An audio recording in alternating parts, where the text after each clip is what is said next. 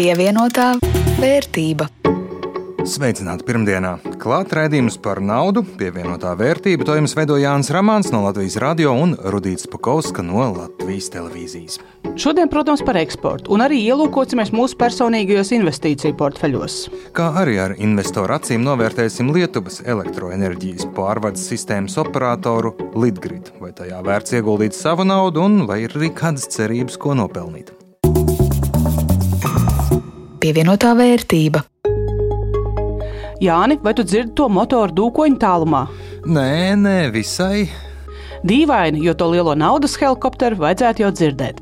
Latvijā ieradusies pirmā Eiropas atvesļošanās fonda naudas daļa - 237 miljoni eiro. Un, metot joks par helikopteru naudu pie malas, tad šobrīd plāns ir sākt ar īres namu celtniecību, inovāciju kompetenci centriem un atbalstu eksportspējīgu produktu izstrādē. Īres nami Tā noteikti ir laba ziņa, jo arvien biežāk daudz kur uzņēmums jau labprāt atvērtu jaunu ražotni, cilvēki arī labprāt tajā strādātu, bet nav kur dzīvot, un līdz ar to nekāda mobilitāte ģimenes ekonomiskās augšupejas vārdā nesenāk. Un vēl pieminēšanas vērts ir arī gāzes vats Nord Stream 2. Gazprom paziņoja, projekts ir pabeigts, bet balsis par to, ka tas ir veids, kā Krievijai realizēt savu ietekmi Eiropas enerģētikas segmentā un mēģināt arī politiski izspēlēt vienu Eiropas valsti pret otru, kļūst arvien skaļākas. Bet tuvāk mājām vai pamanīja valsts ieņēmumu dienestu un sushi restorānu Tokyo City publisko strīdu? Nu jā, to bija grūti nepamanīt.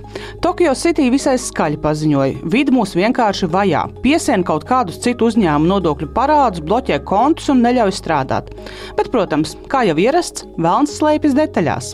Jā, vismaz pēc vidu teiktā izskatās, ka Tokyo City izmantojas labi zināmo metodi, kā tikt vaļā no kreditoriem. Tas ir sakrājas parādi, nolikvidē uzņēmumu A, nodibina uzņēmumu B, turpina biznesu, bet parādnieki tiem vēlam veiksim mēģināt kaut ko atgūt no tukšā uzņēmuma A čaulas. Tikai šoreiz nesanāca. Tā kā valsts ieņēmuma dienests uzskata, ka Tokio City restorāni ir turpinājuši strādāt tieši tāpat kā iepriekš ar tiem pašiem darbiniekiem, ēdienkartēm, receptēm un tā tālāk, tad ir notikusi uzņēmuma pārņemšana. Un, ja reiz pārņemšana, tad arī parādiņus lūdzu pārņemt. Turklāt ir vēl papildus rozīnīte. Vai wasabi ņemot vērā Tokio City specializāciju? Kas šajā reizē ir tas, ka nodokļu parādi arī ir ar stāstu. Pirms pāris gadiem Tokio City pieķēra plašā aploksņa algu maksāšanā un, attiecīgi, aplēsa, cik budžetam gājas secen. Redzēsim, kā šis stāsts beigsies. Visticamāk, tiesā, bet uzņēmējdarbības vidē kopumā tas, ka tavs sadarbības partneris vairs nevar mainīt uzņēmuma juridiskās čaulas biežāk nekā kaislauķis birojā, nāks tikai par labu. Un tagad zinām, ka arī valsts ieņēmuma dienestam pret šādām schēmām ir savas zālītes. Ekonomika vienlaikus ir sarežģīta un reizē arī gauži vienkārša. Un viena no tādām vienkāršajām patiesībām ir, jo vairāk spējam pārdot savus produktus, pakalpojumus ārzemēs, jo labāk klājas mums pašiem. Jaunākie iekšzemes koprodukta dati, kur labāk nekā prognozēts, saka skaidri un gaiši. Straujais pieaugums galvenokārt ir eksportējošo uzņēmumu nopelns. Par spīti loģistikas, citiem pandēmijas izaicinājumiem esam spējuši pārdot par 20% vairāk, un praktiski šie uzņēmumi ir Latvijas ekonomikas mugurkauls. Tā saka Latvijas Investīciju un attīstības aģentūras direktors Kaspars Roškauns. Un lai gan skaitļi ir labi, ir arī problēmas. Tās nepieciešams risināt. Ir vairākas tendences, kas eh, dara mūs drus, drus, drusku bažīgus. Pirmais ir eh, šī te, mm, izaicinājuma, kas ir uzņēmumiem. Proti, gan uh, digitalizācija, tad uh, uzņēmumu iekšējie procesi, kurus uzlabojot, nepalielinot milzīgu kapacitāti darba spēkā, ir iespējams sasniegt labākus eksporta rādītājus. Nākamā lieta, protams, ir talantu piesaiste, ko mēs redzam, ka tas ir vēl viena tēma, kur mūsu uzņēmēji interesējās un meklē variantus un risinājumus, kā efektīvāk piesaistīt talantus gan šeit, gan, gan citos eksporta tirgos, strādājot ārpus Latvijas. Tas pats arī ir par iekšējiem procesiem. Proti, uzņēmumi tie, kas ātri aug, viņiem ir jāmainās ne tikai klientu dēļ, bet arī, protams, iekšēji, lai viņi spētu sasniegt un spētu tikt līdz tam, tam straujam pieprasījuma pieaugumam, kas ir. Lai minētās problēmas risinātu, Lijā kopā ar Latvijas eksportētāju asociāciju The Red Jackets šomēnes rīko hackathonu, kurā ar vienu no Latvijas eksporta spējīgākajām informāciju tehnoloģiju nozarēm kopā rastu risinājumus citiem un iespējams arī paši sev. Klasiskie eksportētāji ir IT uzņēmumi, un starp viņiem iespējams pietrūkst šī saruna, lai saprastu, ka IT uzņēmums var piedāvāt tehnoloģijas ne tikai citiem partneriem eksporta tirgos, bet piedāvā tehnoloģijas un risinājumus arī, arī vietējiem. Un tad eh, kombinācijā viņi var radīt gan kaut kādus kopīgus produktus, gan atrisināt vienas vai otras vai eh, citu uzņēmumu problēmu, vai pat nozars eh, ietvaros. Bet vēl viena patiesība, lai cik smalkas būtu tehnoloģijas, digitālie vai citi problēma risinājumi, ja nav talantīgu cilvēku, kas ar to visu prot rīkoties, diez vai kas dikti prātīgs sanāks. Arī ražojošiem uzņēmumiem ar superdārgām iekārtām to nevajadzētu piemirst.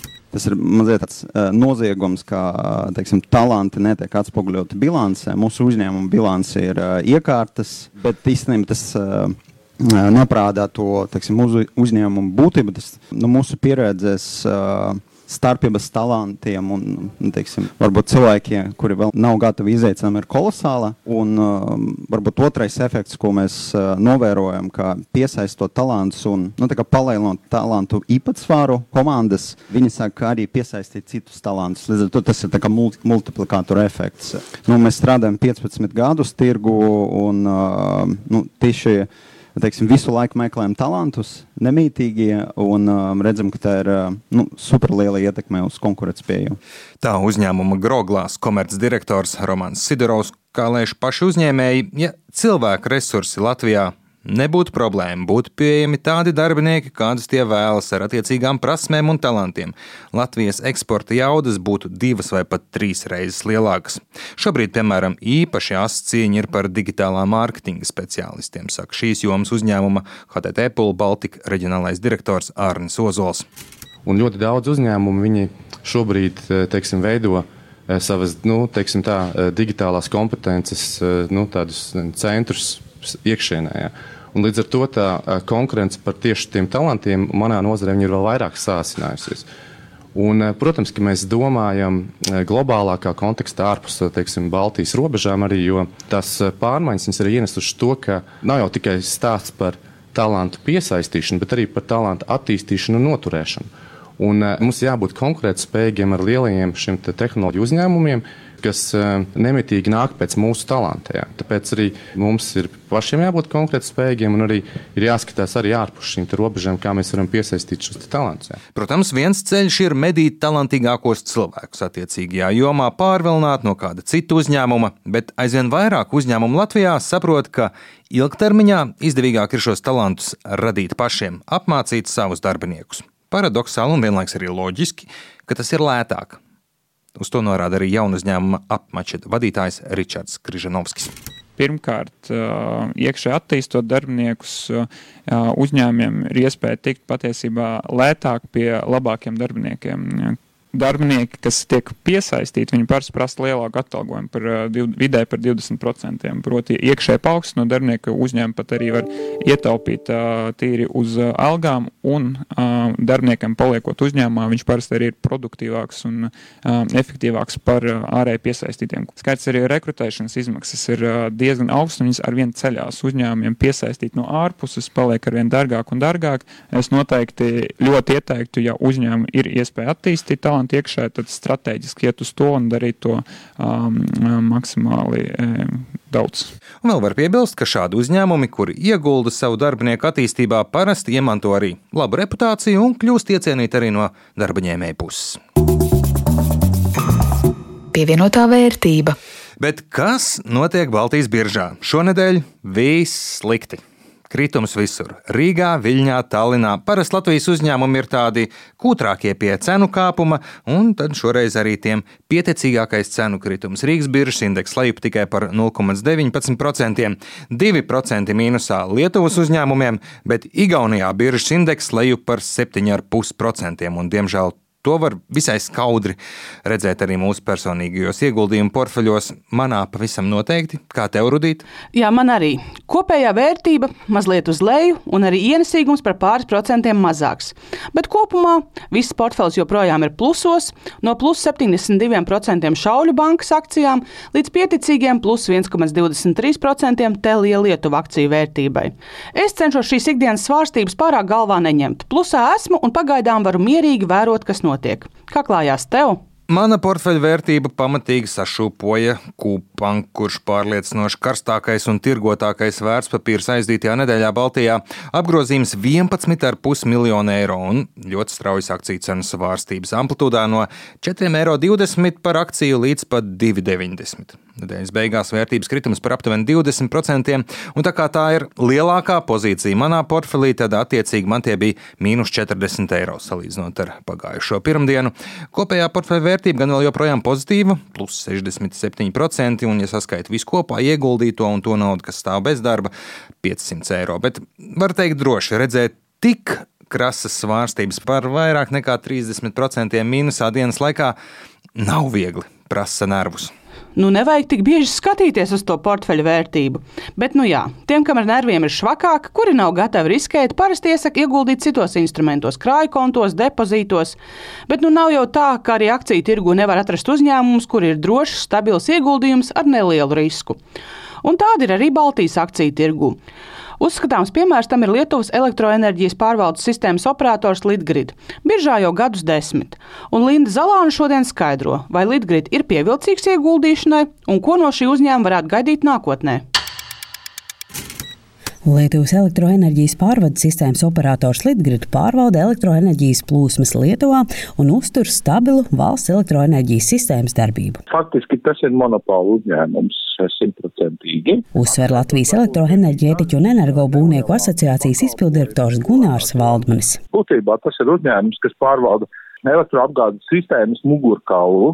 Līdz ar to, nu, faktiski iedomāties Lietuvas kā valsts un Lietuvas arī elektrosistēmas darbību bez šī uzņēmuma nav vispār iespējams, nu, nekādi.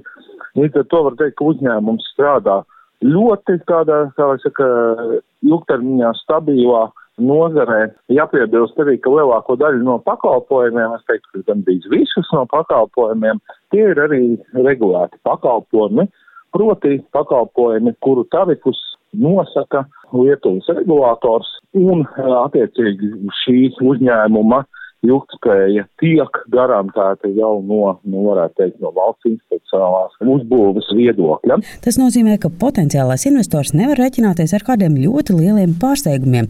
Proti, tas nebūs lielu investīciju atdevi nesošs uzņēmums, bet ieguldījums Litgrid garantē stabilitāti. Ja mēs paskatāmies uz tām attīstības tendencēm, kas sagaidāmas šajā jomā, kur strādā Litgrid, tad mēs varam diezgan droši prognozēt, ka Litgridas nozīme, strateģiskā nozīme un arī tehniskā nozīme, un ar to mēs varam arī saistīt, protams, arī saimnieciskās darbības uzņēmums, tā tuvākajos gados palielināsies, un tas ir saistīts ar attīstību elektroenerģijas apgādes nozarē, proti Latvija, Lietuva un Igaunija ir plānojusi saraut vēsturiskās saites ar bijušo padomu savienību, bet tā vietā tiks attīstīta sinhronās darbības savienojuma ar tā saucamo kontinentālo Eiropu no Eiropas Savienības valstīm. Tas nozīmē, ka tuvākajos gados pārvades sistēmas operātora atbildība, pilnvars un funkcija apjoms mainīsies un pieaugs. Tas visticamāk atspoguļosies arī saimnieciskās darbības rādītājos, gan investīcijās, gan arī apgrozījuma pieaugumā. Ja skatāmies uz akcijas cenu, tad akcijas cena pēdējos piecos gados ir pieaugusi par 18%, kas pats par sevi nav pārāk liels pieaugums un e, nav ļoti iedvesmojošs šajos laikos. Uzkrājuma ieguldījuma eksperts Kaspars Pēcinieks analizējot uzņēmumu akciju pieaugumu secina, ka tām kāpums bijis tikai pēdējā gadā. Savukārt iepriekšējos četros gados ir bijusi vai nu stagnācija vai kritums. Un e, to droši vien var pamatot ar, arī ar finanšu rādītājiem, jo ne visus gadus bija izdevies uzņēmumam audzēt apgrozījumu un arī peļņas līmeņus. Pozitīvi var vērtēt, ka kopumā pēdējos dažos gados ir pieaudzis apgrozījums no 143 miljoniem eiro 17. gadā līdz 206 20. gadā. Arī šī gada pirmajos sešos mēnešos apgrozījums par aptuveni 10% kāpis, bet neto peļņas apmērs pieaudzis pat par 27%. Eksperts uzsver, ka Litgrid noteikti patīk dividendžu ieguldītājiem. Uzņēmuma izstrādātā dividendžu politika nosaka, ka līdz 85% no peļņas tiek maksāts dividendēs. Par to, vai akcijas ir dārgas vai lētas, tad jāsaka, pašreizējā cenas un peļņas attiecība ir relatīvi zemā līmenī. Kopumā Litgrida akcijas es vērtēju kā salīdzinoši pievilcīgi tieši stabilitāti mīlošiem ieguldītājiem un dividendžu investoriem. Pieaugušas apgrozījums un e, peļņas apmērs visticamāk nodrošinās augstāku dividendu apmēru absolūtos skaitļos, un arī augstāku dividendu ziemestīgumu. Gadījumā, ja uzņēmums turpinās uzrādīt tikpat strauju izaugsmi kā šogad, tad tas visticamāk atspoguļosies arī akcijas cenas pieaugumā. Tomēr, ņemot vērā nozari, kurā darbojas Litgrid, kas ir stingri regulēta, ieguldījuma eksperts nesagaida aizraujošu notikumu attīstību un vētrainu ienesīgumu akciju cenā nākotnē. Linda Zalāne, Latvijas radio. Pievienotā vērtība. Ar to arī ir galā raidījums pievienotā vērtība. To jums sagatavoja Jānis Ramāns no Latvijas radio un Rudīts Pakovska no Latvijas televīzijas. Par labskanību parūpējās Renārs Šteimans. Uz tikšanos jau pēc nedēļas tikai atgādināšu, ka mūs var dzirdēt arī Latvijas radio mājaslapā un noklausīties populārākajās raidierakstu platformās. Visu labu!